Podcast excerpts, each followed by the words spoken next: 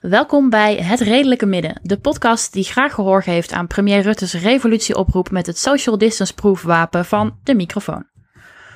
Ik ben Marloes Lezer, volgens onze eigen website ook wel bekend als redactioneel geweten, en ik co-host vandaag met niemand minder dan popcultuurkameraad Pim van den Berg. Hey, hey. We hebben het gevoel dat we geen linkse podcast kunnen maken zonder de huidige wereldwijde onrust in elk geval even te benoemen. Ik heb het dan uiteraard over de moord op George Floyd door een politieagent afgelopen maandag. De afgelopen dagen zijn er veel protestacties geweest, niet alleen in het Amerikaanse Minneapolis, maar over de hele wereld. Wij zijn ons ervan bewust dat wij als witte podcastmakers niet de juiste persoon zijn om hier uitgebreid op in te gaan en dat gaan we dus ook niet doen. Wel willen we iedereen oproepen om niet mee te gaan in both sides gelul, eh, wat je nu overal ziet. Dit is geen not all cops, dit is geen all lives matter. Als je wit bent, gebruik alsjeblieft je privilege door jezelf niet te centreren, maar solidair te zijn met people of color wereldwijd. Als je in de positie bent, doneer dan aan organisaties die opkomen voor discriminatie van mensen van kleur en specifiek politiegeweld. We zetten een paar linkjes in de show notes. En als je fysiek in staat bent, ga dan naar een van de Black Lives Matter protesten die deze week georganiseerd worden, waaronder morgen in Amsterdam en dinsdag in Den Haag. Ook hier naar Maandag 5 uur op de Dam. maandag 5 uur op de Dam. Dankjewel, Pim. Ook hier zetten we even linkjes naar in de show notes. Over eh, fysiek in staat zijn gesproken, eh, dat is wel een mooi bruggetje naar ons eh, onderwerp van deze week. Want vandaag gaan we het hebben over validisme. En hiervoor hebben we een gast in ons digitale gezelschap. Wie op het linksactivistische hoekje van Twitter zit, heeft haar vast wel eens voorbij zien komen. Want onder haar ad Precious Bean serveert ze regelmatig hete thee rondom thema's als validisme, racisme en seksisme. Onderwerpen waar ze als chronisch zieke vrouw van kleur zelf mee in aanraking komt. Ook buiten het internet is ze actief activist en onder andere betrokken bij het samenwerkingscollectief Feminists Against Ableism en bij de Online Women's March, een representatie van activisten met een beperking die fysiek niet bij de Women's March aanwezig kunnen zijn. Als ik een drumroll had, zou ik hem nu doen.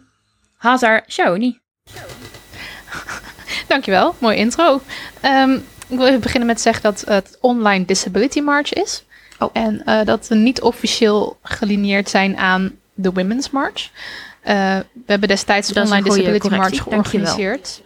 Ja, die hebben we destijds eh, georganiseerd voor degenen die er inderdaad door hun beperking, handicap of chronische ziekte niet bij konden zijn. Maar ook ehm, soms kan je er niet bij zijn door de ontoegankelijkheid van de march. Dus dan, ehm, ja, daarvoor hebben wij een online versie georganiseerd. Waar mensen hun verhalen konden sturen, hun foto's kunnen, konden sturen.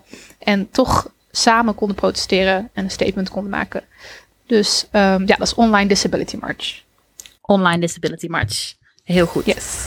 We komen zo nog even terug bij de, of nou uitgebreid terug, bij de ontoegankelijkheid van eh, de activistische beweging. Maar eerst even de, de basis voor onze luisteraars die er misschien niet zo bekend mee zijn.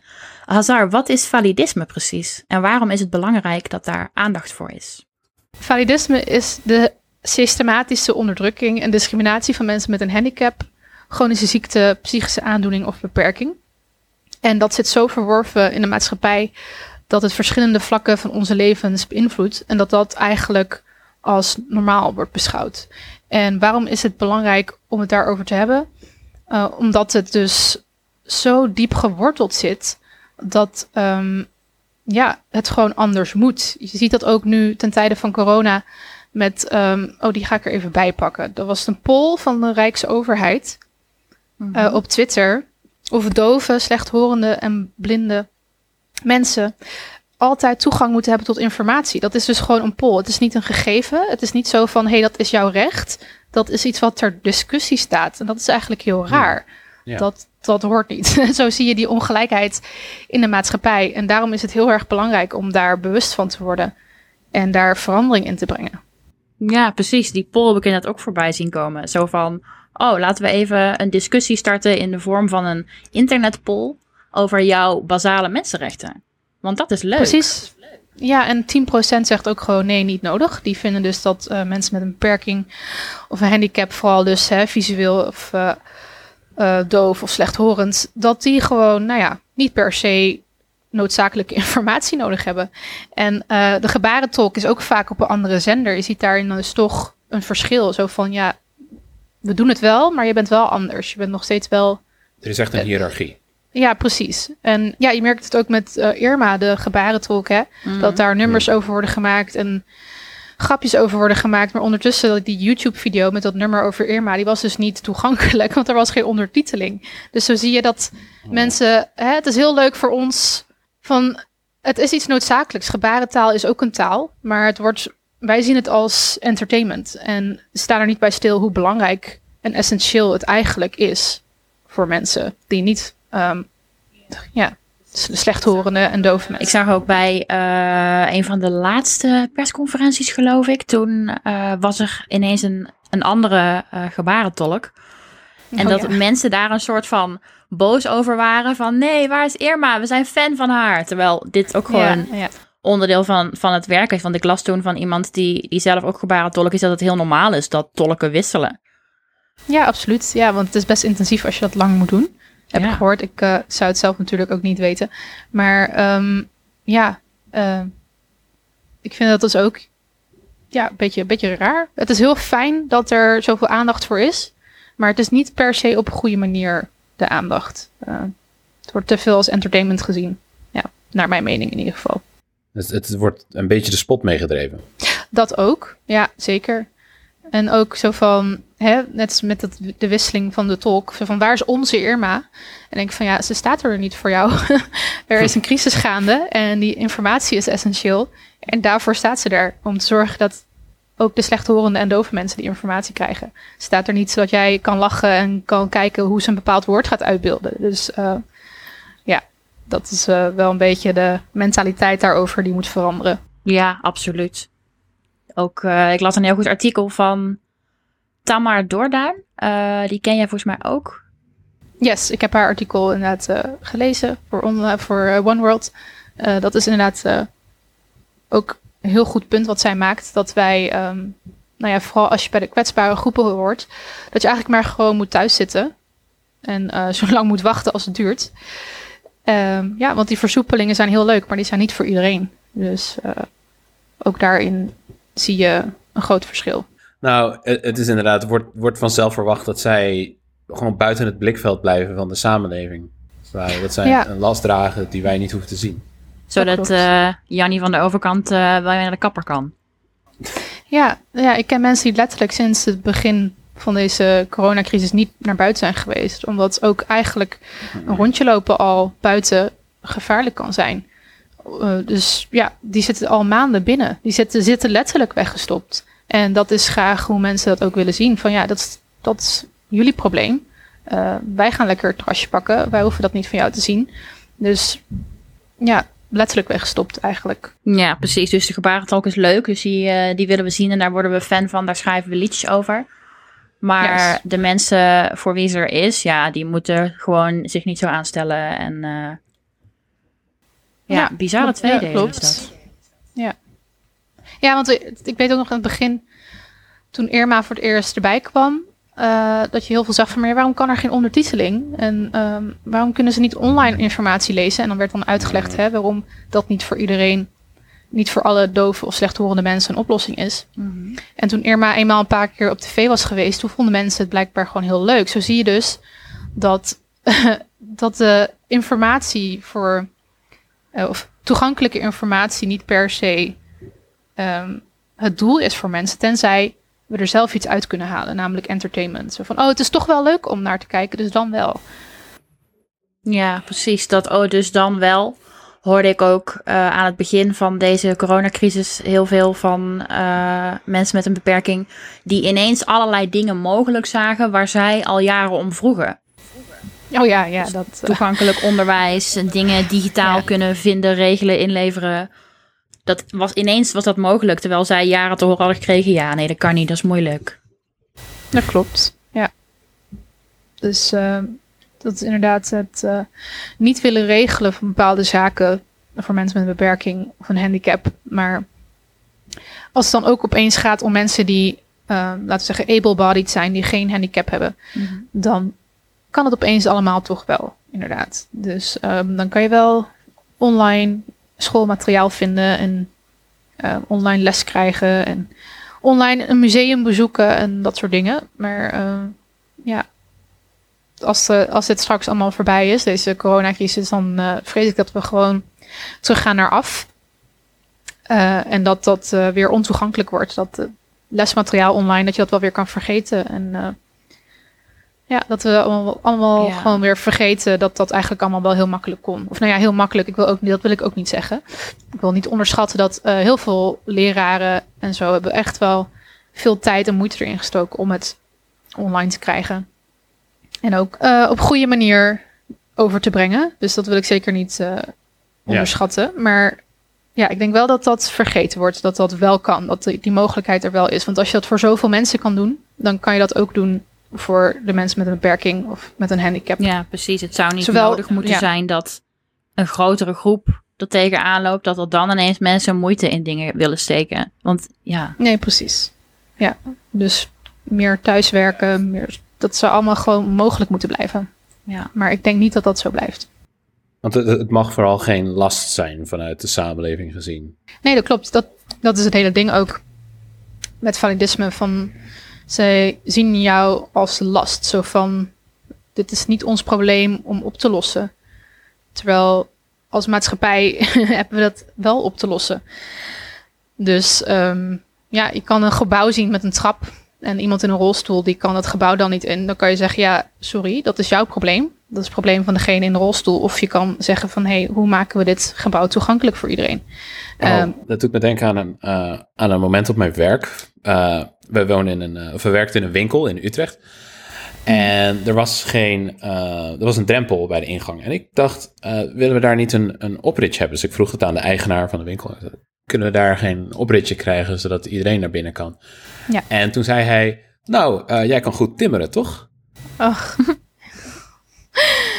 ja. Ja, zo zijn er meer verhalen. Ik heb dat zelf ehm, ook in een bepaalde groep gehad. Dat we het hadden over waar kunnen we onze volgende meeting houden. Ehm, waar is dat rolstoel toegankelijk? En dan hadden we het over een bepaalde eh, locatie. En toen zei iemand, ja, ik weet eigenlijk niet of daar wel een ramp is. Of je daar naar binnen kan. En ik zei van, ja, dan is het dus niet rolstoel toegankelijk. En toen zei ze, maar we kunnen haar naar binnen tillen. En toen zei ik, nee, dat is dus niet toegankelijkheid. dat is niet gelijkheid. Mensen met een beperking, met een handicap, moeten op dezelfde manier naar binnen kunnen, moeten kunnen als jij. Gewoon door dezelfde deur, door dezelfde ingang. Je moet niet hoeven tillen. Dat, dat is gewoon niet wat toegankelijkheid betekent. Nee. Dus Ja, ja, dat- ja, daar wordt soms wel heel makkelijk over gedacht. Ja. Ja, en ik heb het idee, corrigeer me als ik dat mis heb hoor, maar dat, dat je ofwel eh, als, als een last gezien wordt, zo van hè, we, wi- we willen deze moeite niet doen, ofwel gewoon vergeten wordt. Hè, dat gebouw waar jij het net over had eh, met die trap, Mhm. degene die dat gebouw ontwierp heeft er niet eens over nagedacht dat er misschien wel mensen met een rolstoel eh, of mensen die op een andere manier niet kunnen traplopen, daar ook naar binnen zouden willen. Dat klopt, ja. Nee, er wordt gewoon, je wordt of vergeten of inderdaad, ja, krijg je al snel het gevoel dat mensen inderdaad vinden dat je moeilijk doet. Je merkt het in gewoon hoe ze tegen je doen. Ehm, maar ik denk dat het vergeten eigenlijk al gewoon een heel groot stuk is. Ja. Zo zag ik ook laatst ook op Twitter van de NS dat ze mensen in een rolstoel niet de trein in mogen of willen helpen vanwege die anderhalve meter.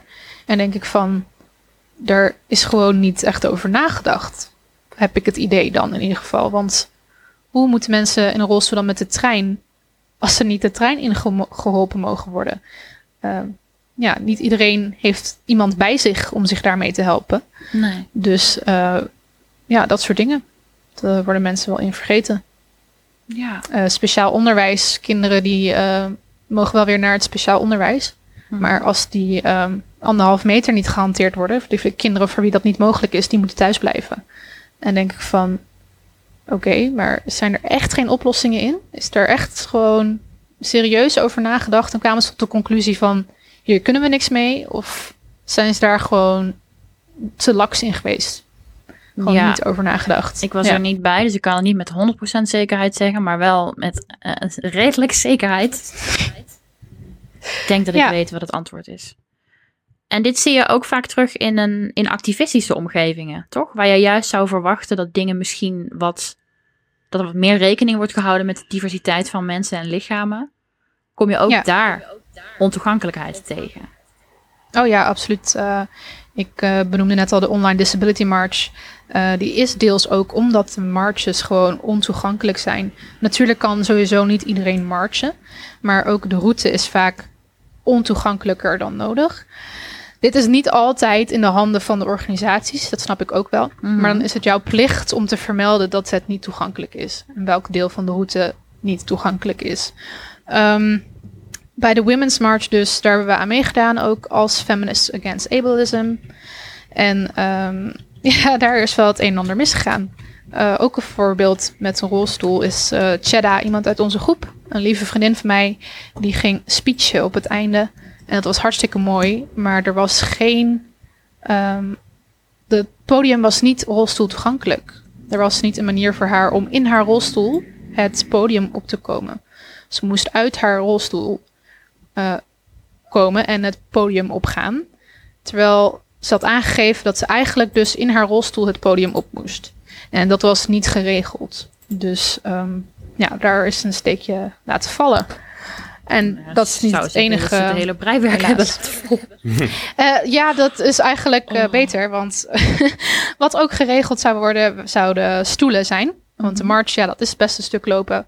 Eh, er zijn wel natuurlijk mensen met een beperking of met een handicap die kunnen lopen. Maar er zijn ook mensen die daarna toch echt wel moeten zitten. Die niet heel langdurig kunnen lopen. Ik ben daar iemand van, by the way. Dus ik verheugde me al een beetje op die stoel. maar die stoelen die waren er ook niet. Wij zijn in het natte gras gaan zitten. Ehm, want ja, die stoelen waren ook niet geregeld. En volgens de Women's March was dit allemaal niet eh, de bedoeling. En is er iets misgegaan en konden ze het niet rondkrijgen. Maar het is gewoon ook niet met ons gecommuniceerd. Dus wij zijn gewoon met onze groep die march gaan doen. En achteraf kwamen we bij het podium voor de speeches. En daar bleken dus geen stoelen te zijn voor ons. Dus eh, ja, communicatie is echt een ding binnen het activisme tegenover mensen met disabilities. Mhm. Dat eh, ja, is nog heel veel in te leren. Dat denk ik ook. En dat is ook waar, waar jullie organisatie, jullie collectief zich voor inzet, toch? Feminist Against Ableism. Kun je daar wat meer over vertellen? Ja, ja die uitsluiting en eh, achterstelling, eigenlijk dat we vergeten worden, daar vechten we tegen. Eh, dat is een vorm van onderdrukking en daar, ja, dat pikken wij gewoon niet. Wij willen dat eh, als je bezig bent met activisme, dat je, dat, ook, dat je er ook inclusief in bent. Dat jij zorgt dat jouw space accessible is. Dus ehm, ja, dat je ook bewust bent van ehm, als je iets organiseert, dat je mensen vraagt met een disability. Dus die betrekt bij het organiseren. En niet als een afterthought op het laatste moment. Zo van, oh ja, we moeten ook nog mensen met een handicap hebben. Zo van eh, diversiteitsvinkje. Hoep. Maar echt gewoon vanaf het begin mensen met een beperking erbij betrekken. Dus daar zijn wij heel erg mee bezig van. eh, bewustzijn creëren. Zorgen dat iedereen wordt meegenomen. eh, dat niemand meer wordt achtergesteld. En ehm, En Ja, eh, welke communicatiekanalen gebruiken jullie daarvoor? Eh, Twitter, Facebook, Instagram. Ja, zit gewoon op eh, de social media eigenlijk. Dus we hebben met Ja, Online Disability March ook een website. We hebben nog geen website van specifiek Feminists Against Ableism. Maar ehm, ja, dus via daar, vooral via Instagram hebben wij bijvoorbeeld Online Disability March georganiseerd. Maar daar zijn we te vinden, ja. Online. Ja, wat, ik denk dat we in het volgende hoofdstuk dan iets verder ingaan op hoe je eh, ook online kunt organiseren. Ja.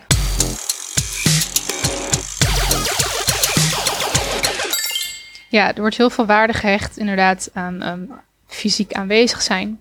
En luid zijn. Dat was ook iets bij de Women's March. Dat we blijkbaar niet enthousiast en luid genoeg waren door de megafoon. Terwijl trouwens, terwijl trouwens ook niet gecommuniceerd was wat ze nou eigenlijk van ons verwachten. Maar goed, ja, dat is niet voor iedereen weggelegd. Hè. Sommigen zijn daar gewoon fysiek niet toe in staat. Ehm, dus online, een online protest kan net zo waardevol zijn als een fysiek protest. Ja, want er, er zijn heel veel vooroordelen. Er wordt ook, eh, eh, tenminste, er wordt ons van jongs af aan al eh, met de paplepel ingegoten dat je op de barricades moet staan en zo voor een demonstratie. Maar Ja. ehm, daar, dat beeld begint volgens mij gelukkig te verschuiven. Nou ja, nog niet heel erg. Je ziet nu ook van ja, eh, wat toetsenbordactivisme, weet je wel. Van, mm, ja, het is toch voor veel mensen het enige wat ze kunnen. Die kunnen niet fysiek inder- inderdaad hè, gaan staan. Nou ja, wat als je niet kan staan, überhaupt? Ja. Waar begin je dan? Dus ehm dat is nog best wel een neerbuigende mentaliteit daarin. Van, oh ja, als jij niet out there bent, dan is jouw activisme niet valid. Terwijl Ja, je precies. kan... Sommige mensen die zijn online juist waardevoller bezig dan die ene keer dat iemand even een keertje naar een demonstratie gaat en dan verder helemaal niet meer mee bezig is. Dus het hoeft niet eens per se zoveel te zeggen dat iemand fysiek aanwezig is. Ja, want er- er is dat idee dat, dat mensen echt een, een, een wezenlijke massa moeten vormen om eh, een verschil te kunnen gaan maken. Om de gevestigde macht te laten zien van hé, hey, kijk met hoeveel wij zijn. Maar Ja. Ja. dat is, jij zegt, dat hoeft helemaal niet. Nee, dat hoeft helemaal niet. Maar het is ook niet of-of. Het kan ook heel goed Mhm. allebei. Eh, je kan gewoon een demonstratie organiseren. Hè? Net als eh, morgen in Amsterdam. En daar, zij organiseren ook een livestream. Nou, dat is al heel goed een manier om ook mensen thuis te be- betrekken. Mensen die er niet bij kunnen zijn. Ja. Ehm, en ehm, ja, je kan zelf dan nadenken van oké, ik ben er niet bij. Wat kan ik online doen? Eh, wij organiseerden dus de Online Disability March, waar mensen foto's en verhalen konden insturen. ehm, van waarom ze thuis, als het ware, marchen, dus online. Ja, en dat is eigenlijk ook heel waardevol, omdat je dan persoonlijke verhalen ziet. En persoonlijke statements. En eh, het is heel mooi om mensen, mensenmassa eh, buiten te zien staan. Maar het is ook heel mooi om die individuele verhalen te zien. Met een foto erbij, met een gezicht erbij. Van, oh, dit is, dat is wat, wat die eh, persoon belangrijk vindt. Dus ehm dat is zeker wel ook waardevol. En als je dat naast elkaar zet, zowel dat fysieke aanwezig zijn als die on- online aanwezig. eh, dat fysieke aanwezig zijn en die online aanwezigheid, dat dat best een mooie, ja, mooi totaalplaatje is, zeg maar. Ja, dan dat je elkaar kan een aanvullen. prachtige grote beweging op alle vlakken, inderdaad. Precies, ja. Ja. Ja, want hoe, eh, hoe maak je die verhalen kenbaar aan de rest van de wereld? Ja, we hebben dat dus via Instagram en Twitter, Facebook gedaan. ehm, waar we die foto's hebben gedeeld en die verhalen hebben gedeeld. En eh, ja, hoe groter je platform, hoe meer mensen dat natuurlijk gaan zien. Dus eh, vooral blijven delen en blijven oproepen aan mensen om hun verhaal in te sturen. Dat is eigenlijk wat we hebben gedaan. En je hele netwerk, dat bouw je dan ook online? Ja, dat is sowieso voor veel mensen met een beperking of met een handicap eigenlijk al wel waar. Of nou ja, veel. In ieder geval aardig wat mensen die ik ken die hun eh, netwerk online hebben opgebouwd. Ehm, ja, dus eh, en zo is het eigenlijk ook begonnen met een idee op Facebook bij twee vrouwen die zoiets hadden van, weet je, hier moeten we iets aan doen. En de een heeft zich gefocust op online en de ander heeft zich gefocust op offline. En zo is uit een idee op een gegeven moment Feminists Against Ableism geboren, omdat er steeds meer mensen bij kwamen. Dus ehm, ja, inderdaad, zo ben je eigenlijk online iets aan het opbouwen. Ja, wat, wat zijn dan nu de, de meest voor de hand liggende uitdagingen voor Feminists Against Ableism? Nou, validisme in de activistische bewegingen blijft toch wel de grootste obstakel, moet ik zeggen. Het is gewoon, overal kom je dat tegen. Tenminste, dat is echt mijn eigen ervaring. Dat overal in elke space tot nu toe is er validisme. Ehm, dus ja, mensen die, die hebben zichzelf niet heel erg goed ingelezen voordat ze je uitnodigen en it shows, zeg maar. Dus dan heb je heel veel emotional labor te doen, heel veel uit te leggen en eh, dat is gewoon heel vermoeiend. Dus ook in, in bewegingen die inclusief proberen te zijn. Oh ja, absoluut. Ja, ja daar eh, heb ik genoeg voorbeelden van, helaas. En financiering, hebben jullie dat nodig? Ik bedoel, iedereen heeft financiering nodig, maar hoe, eh, hoe zit het bij jullie? Ja, daar, dat is een hele goede vraag. Ik moet zeggen dat ik dat gewoon ook niet eens heb besproken in mijn groep. Financiën zijn eigenlijk nooit echt in de groep eh, naar voren gekomen. We streken er allemaal heel veel tijd en energie in, maar allemaal vrijwillig. Dus ehm, ja, zouden we financiën kunnen gebruiken? Ja, zoals je zegt, iedereen zou dat kunnen gebruiken. Eh, maar het is niet echt een eh, topic geweest of zo. Dat niet. En ik kan me voorstellen dat, eh, we hadden het in het eerste hoofdstuk over, eh, die, die hele infrastructuur die is opgezet om mensen te helpen bij thuisblijven. Eh, je zei eerder al, je bent bang dat dat misschien weer verdwijnt zodra de pandemie eh, hopelijk voorbij is, of in ieder geval de lockdown ophoudt. Ja. En hoe kijken jullie daar tegenaan vanuit een strategisch perspectief? Wat moet er dan gebeuren? Ja, wat er moet gebeuren is mensen met een beperking, met een, met een handicap, met een psychische aandoening, chronische ziekte, het maakt niet uit wat voor beperking, die moeten allemaal meer, ja, hoe mensen daar tegenaan kijken vanuit de maatschappij, Ja, da- dat moet veranderen. Want op het moment dat jij niet op een, bepaald, op een bepaalde manier kan functioneren, niet met een bepaalde intelligentie of waarde, zeg maar, in de ogen van de maatschappij een bepaalde waarde doet, of voldoet, dan ben je minder waardig. Zo word je gezien. Omdat je niet even productief bent, of omdat je niet even slim bent, of omdat je, Ja. ja, voor hun gevoel dus niet genoeg kan. Eh, dat hele ding moet veranderd worden. Die hele mentaliteit, dat, dat moet getackeld worden. Eh, anders dan zul je dit blijven zien. Want ja, och, ja, die ene die, die online wil werken of thuis wil werken of whatever. Ja, dat is maar die ene persoon die een beperking heeft en dus niet zo moeilijk moet doen. Eh, ja. ja, op het moment dat dus de hele maatschappij op zijn kop staat, dan kan het wel. Ehm, dus dat is ook het, het, het scheve eraan eigenlijk. Zo van ja, je kan niet aan een bepaald soort functioneren voldoen. Dus je bent eigenlijk niet eh, waardig, laten we het maar zeggen. Hè. Zo kijken mensen er wel naar. Maar tegelijkertijd krijg jij niet echt de mogelijkheid om wel aan dat soort functioneren te doen, weet je wel. Ik heb ook een keer een, een, een voorbeeld gelezen van, dat we zeggen, een jongetje die ehm, dyslexie heeft en een leraar die al zijn informatie via PowerPoints geeft. En dat jongetje kan het dus niet bijbenen, omdat het eh, te snel gaat. En als hij het nou allemaal gewoon even kon teruglezen, rustig op zijn eigen tempo, dan Ja. kon hij prima meekomen. Maar die leraar die weigert om eh, de PowerPoints uit te printen en aan hem te geven. Hij zegt dus eigenlijk Oh. daarmee van, dat is jouw probleem, het is niet iets waar ik iets aan kan doen. Terwijl dat wel zo is. Die, die legt het bij dat jongetje neer, zo van, oké. Dus dat jongetje kan prima functioneren. Hij kan prima meekomen met de rest, als hij daar de kans toe zou krijgen. Als hij gewoon op zijn eigen tempo de dingen zou kunnen teruglezen.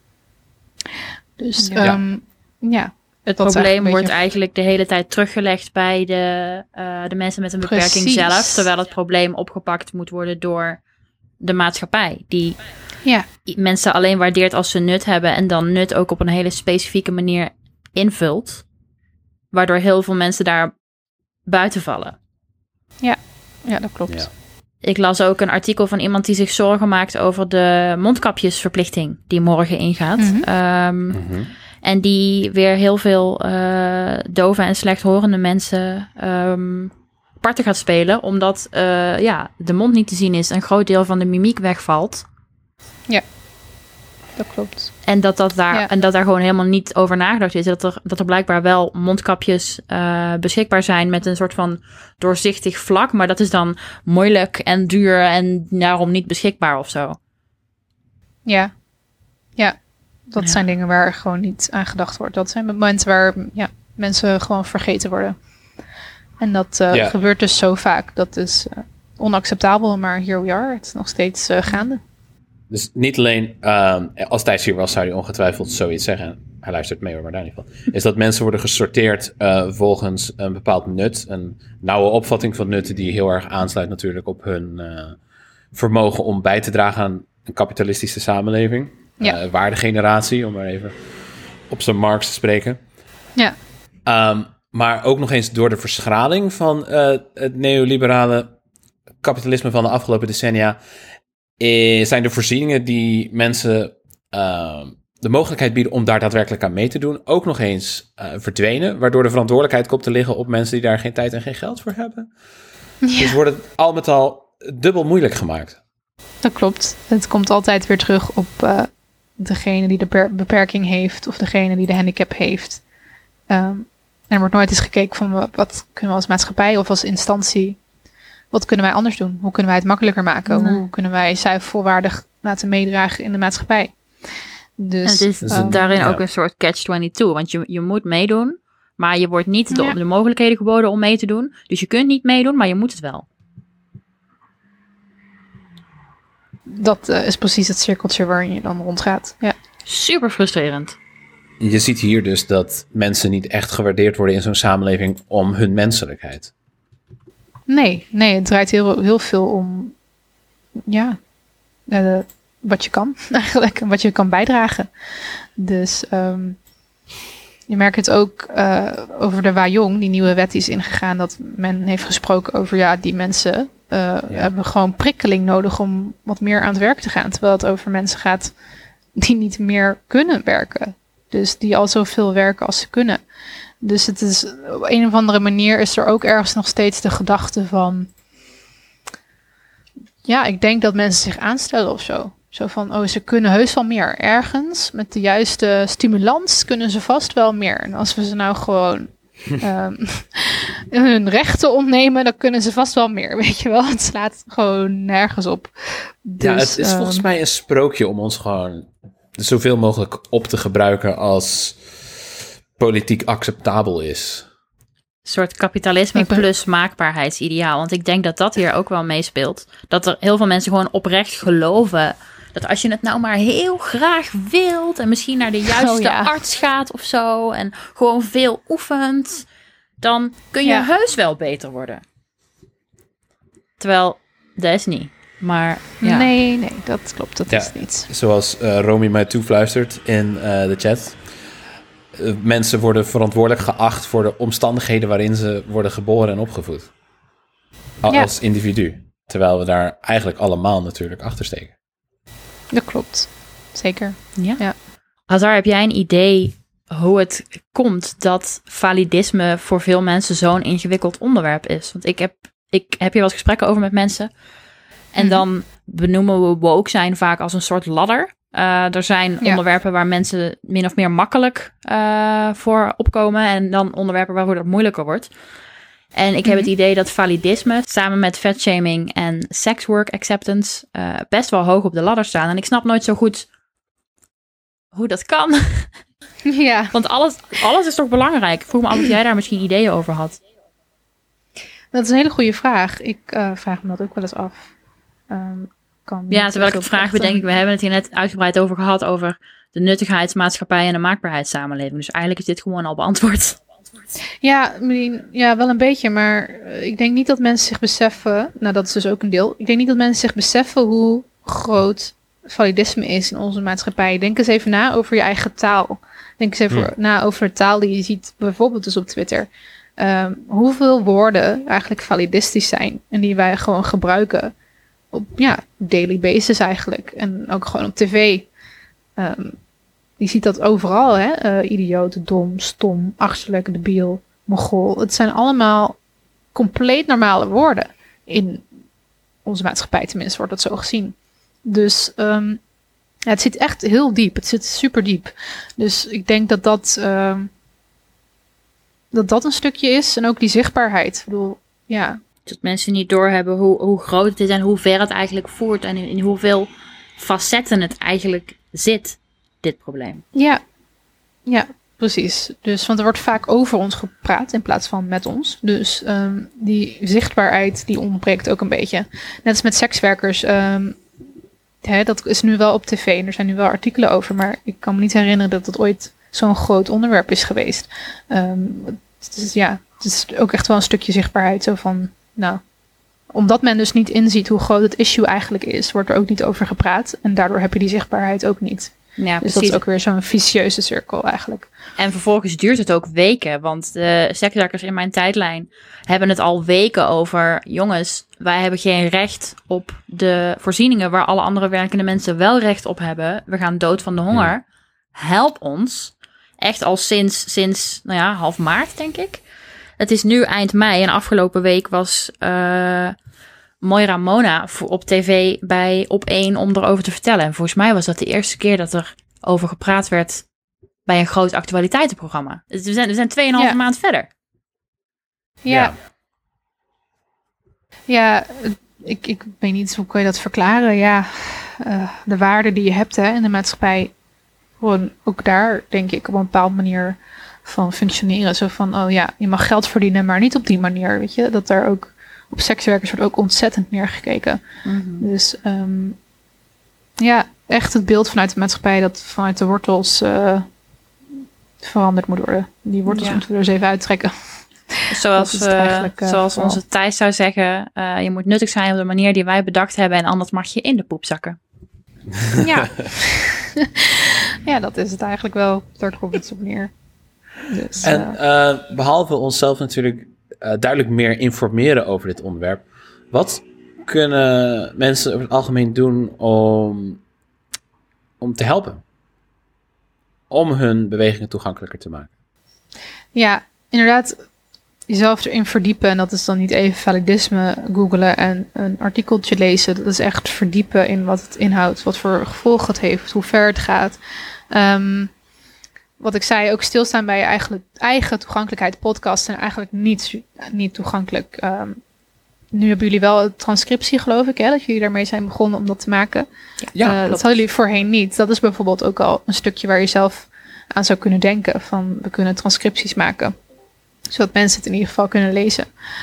Ehm, dus dat geeft en geef een podium aan mensen. Nou, dat is natuurlijk wel wat jullie doen. Betrek mensen met een handicap, met een beperking, betrek die erbij. Vraag wat je kan doen. Vraag wat je kan betekenen. Er zijn ook eh, disabled trainers die je kan inhuren. Die jou kunnen uitleggen hè, hoe je zo inclusief mogelijk kan zijn. eh, met betrekking tot validisme. Dus ehm, ja, er is genoeg wat je zou kunnen doen. En ik denk ook vooral, kijk dus naar jezelf. ehm, in plaats van het dus elke keer bij de ander neer te leggen.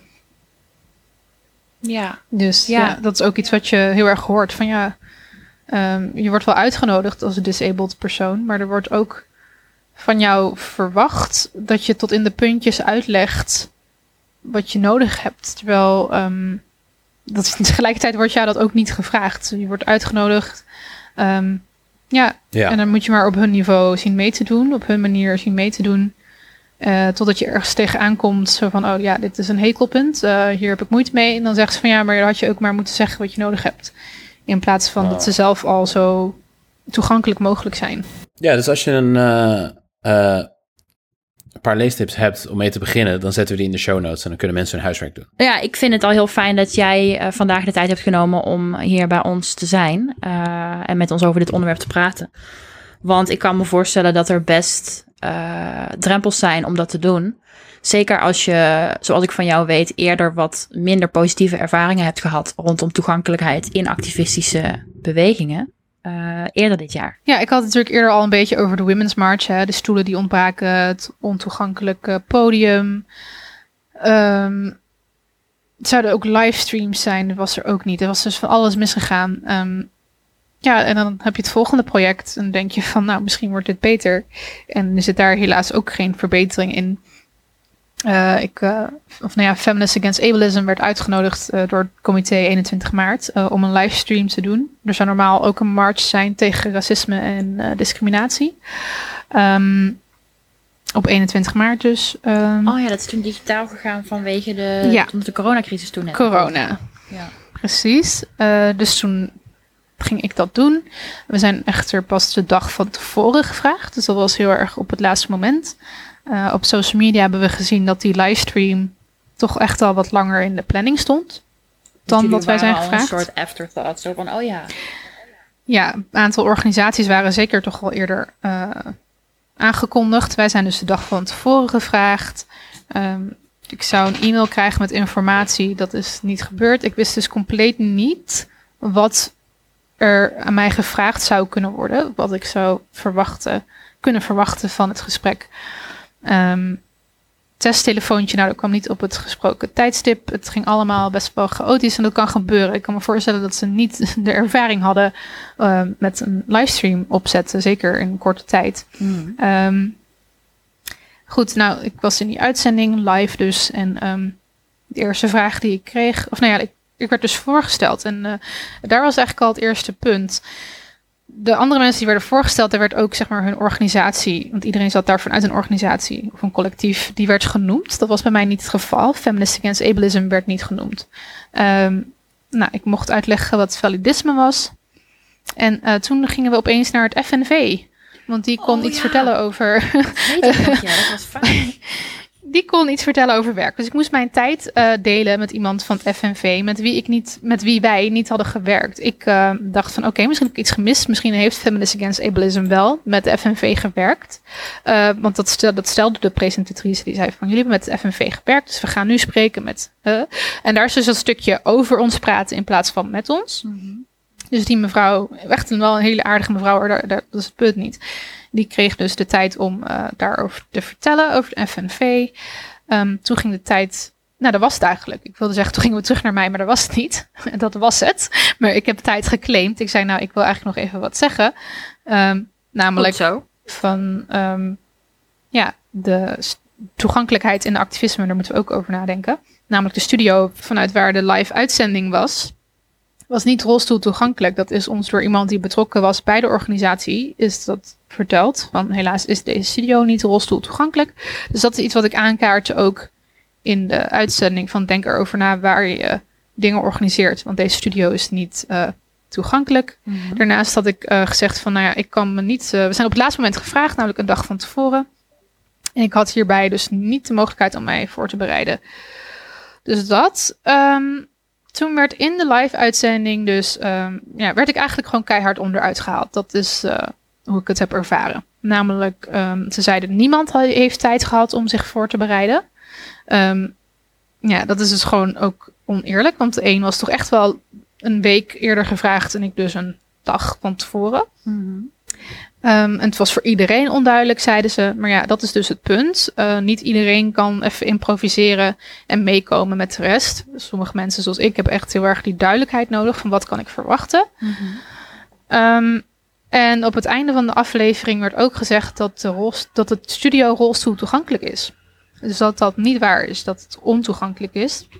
Maar dat het wel degelijk toegankelijk is. Nou hebben we er nooit echt uh, achter kunnen komen wat daarin nou de waarheid is. Maar de waarheid is wel dat dat gewoon aan ons is verteld van tevoren. De studio is niet rolstoel toegankelijk. Mm -hmm. Dus nou ja, al deze punten en wat andere dingetjes hebben wij in een mail gezet. Um, ja, om toch tot een gesprek te komen van dit is er misgegaan en hopelijk kan dat beter. Mm -hmm. Uh, ja, daar ben ik op gehoord. Heb ook nog een reminder erachteraan gestuurd. Um, Wat nou? Nee, helaas uh, geen antwoord op gehad. Dus dat was echt ja, heel naar gelopen. Elke, elk persoon, zoals ik al zei, hè, werd hun collectief of hun, of hun organisatie van genoemd. En hen werd ook gevraagd van, wat hebben jullie nog meer in petto? Wat kunnen we nog van jullie verwachten? Waar zijn jullie mee bezig? Dat werd mm. ons allemaal niet gevraagd. Ik was er alleen om validisme uit te leggen. Vervolgens gingen ze naar FNV. Dat was onze tijd eigenlijk. En toen heb ik tijd geclaimd. Maar ja, we hebben dus eigenlijk niet, uh, ja, duidelijk niet dezelfde behandeling gehad als de andere mensen die daar zaten. Nee. Nee, die, die voorwaarden werden eigenlijk, uh, wat je nodig had, werd afgedaan als bijzaak. Ja, precies. Zo van ja, daar heeft iedereen wel eens last van. Ja. Weet je wel? Dus, ja, dat is niet. Nee, nee, dat is uh, zeker niet. Dus uh, ja, dat was heel jammer. Ook zeker omdat het uh, ook over intersectionaliteit, of tenminste, er stonden ze ook voor intersectionaliteit. En dan denk ik van ja, er was dus een gemiste kans om, om echt een goed gesprek te hebben hè, met betrekking tot intersectionaliteit als vrouw van kleur die chronisch ziek is. Daar hadden ze best wel iets meer mee kunnen doen. Dus ik had er ook wat meer van verwacht. Maar, ja, ik kan me um, voorstellen van zo'n organisatie. Ja. Nou ja, en ik kan me voorstellen dat je misschien even naar woorden moet zoeken als je live on air wordt aangesproken op je eigen tekortkomingen. Maar Tuurlijk. zeg dan op zijn minst, goh, hier hadden we niet over nagedacht. Of hier gaan we naar, naar op terugkijken. En als je dat ook ingewikkeld vindt, kom dan op zijn minst op een later moment er inderdaad op terug. Als jullie een hand uitreiken van, joh, kunnen we het hierover hebben? Ja. Dan ja. Ja, het geeft een gevoel van tokenism. Zo van je bent erbij, wat ik net ook al zei, van hè, om dat diversiteitsvinkje, woep, woep, even iets op het uh, lijstje te kunnen afvinken, zeg maar. Um, dus dat ja, merk je gewoon vaker. Ook bij de Women's March trouwens was dat wel een beetje het gevoel. Want nergens werd de Online Disability March echt goed gepromoot. Um, in de foto's en filmpjes die zij deelde waren bijna alleen maar able-bodied wit, witte vrouwen. Dus er was heel weinig diversiteit daarin. En denk je van, oké, okay, waarvoor zijn we hier nou eigenlijk? Gewoon omdat je kan zeggen van, hé, hey, we hebben ook disabled people erbij. Maar eigenlijk wordt er dus heel weinig echt meegedaan. eh, bijvoorbeeld dus een deel van de route die heel slecht toegankelijk was. Nou, die was heel ontoegankelijk, moet ik dus zeggen. eh, voor mensen in een rolstoel. Ja. En dat kan gebeuren, dat was waarschijnlijk was niet aan hun. Eh, maar zeg dat dan van hey, de route is niet toegankelijk. That sucks. Dat hadden we ook graag anders gezien. Maar niet doen alsof we dat moeten accepteren. En alsof dat gewoon normaal is. Dus ehm, ja, er is echt nog heel veel te halen op dat gebied. Van, ehm, alleen mensen uitnodigen en erbij hebben is niet genoeg. Nee, je kunt niet de goede doen. sier maken met bewustzijn voor validisme als je zelf niet je eh, organisatie zo toegankelijk maakt als je wilt pleiten. Ja, precies. Dus ehm, Ja, ik vind het altijd in die ruimtes juist het verdrietigst als, als dingen niet, niet intersectioneel zijn. Want ja, als, als iemand weet hoe het is om ergens de, de token diversity vote te zijn, dan zijn het queer mensen, eh, mensen van kleur, eh, vrouwen. Alle, in, in alle groepen heb je wel, wel eens meegemaakt dat je daar zit en dat je denkt: Oh, ik zit hier voornamelijk omdat ik vrouw ben of omdat ik queer ben. Daar ik ja. nog even gevraagd. ja, precies. Dat gevoel krijg je er wel van. dan verwacht je Ehm. ja, juist, wist ik, maar misschien is dat naïef van mij. Ik verwacht dan juist wat meer bewustzijn over, over andere minderheidsgroepen. Dat je die in elk geval niet dat gevoel wil geven. Ja, dat zou je verwachten. Maar eh, Helaas, Helaas. is dat vaak niet de realiteit. nee, daarom vond ik wel fijn dat vanuit jullie heel erg werd gevraagd van eh, wat heb je nodig? En dat ik ook gewoon een duidelijk beeld kreeg van oké, dit gaat gebeuren. Dit kan je verwachten. Dit willen we ongeveer weten. Dat is gewoon heel duidelijk. Ehm, wat ik zei van eigenlijk ehm, hebben jullie op het oog, eh, of pardon, niet oog. Eigenlijk hebben jullie ehm, qua toegankelijkheid ook nog eh, iets te halen, namelijk transcripties. En dat je dan niet wacht met van oké, doen we de volgende aflevering, maar dat je dat dan gewoon per direct doet. Dat, is, dat zijn dus gewoon al goede dingen eh, die je kan doen. Dat is gewoon niet eens zo ingewikkeld eigenlijk. Hè? maar ja, Het redelijke midden.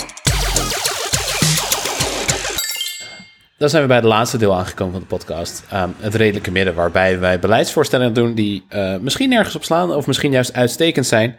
Maar hoe dan ook dingen die we graag zouden zien gebeuren. En Marloes, wat is jouw redelijke midden van deze week?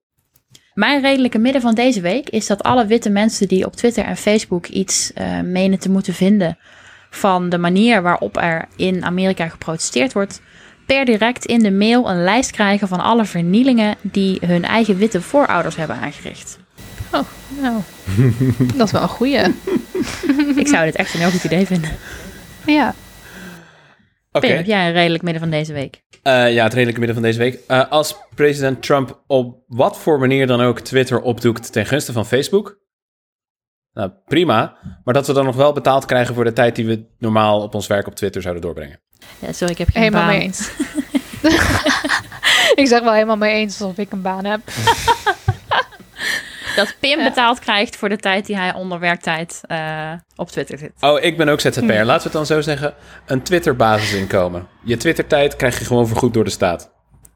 Oh, ja, dat zou echt... eh, Daar zou ik voor betaald zijn. krijgen. Ja. Precies. Bedankt voor het luisteren. Ik ben Pim van den Berg, BVDPim op Twitter. Eh, Marloes Lezer heeft al het zware werk gedaan. Je kunt haar vinden op journalistiek. Eh, maar ze is achter slot en grendel, dus je moet heel lief zijn en vragen. En dan misschien luister je toe. En Hazar was at Bean. Dus je denkt Precious Bean, maar de I is een L. En verder eh, vind je Feminist Against Ableism op Fableism, F-A-Belism. B-L-E-I-S-M. Vergeet ons niet te liken en een hoge waardering te geven op de willekeurige podcast-app naar keuze, behalve Spotify, want dat ben je linkse eenheid verplicht. En verder hoop ik dat jullie een heel fijne en veilige en gezonde week tegemoet gaan, zeker als je meedoet aan een demonstratie deze week. Tot volgende keer. Bedankt voor het luisteren. Doei! Doei!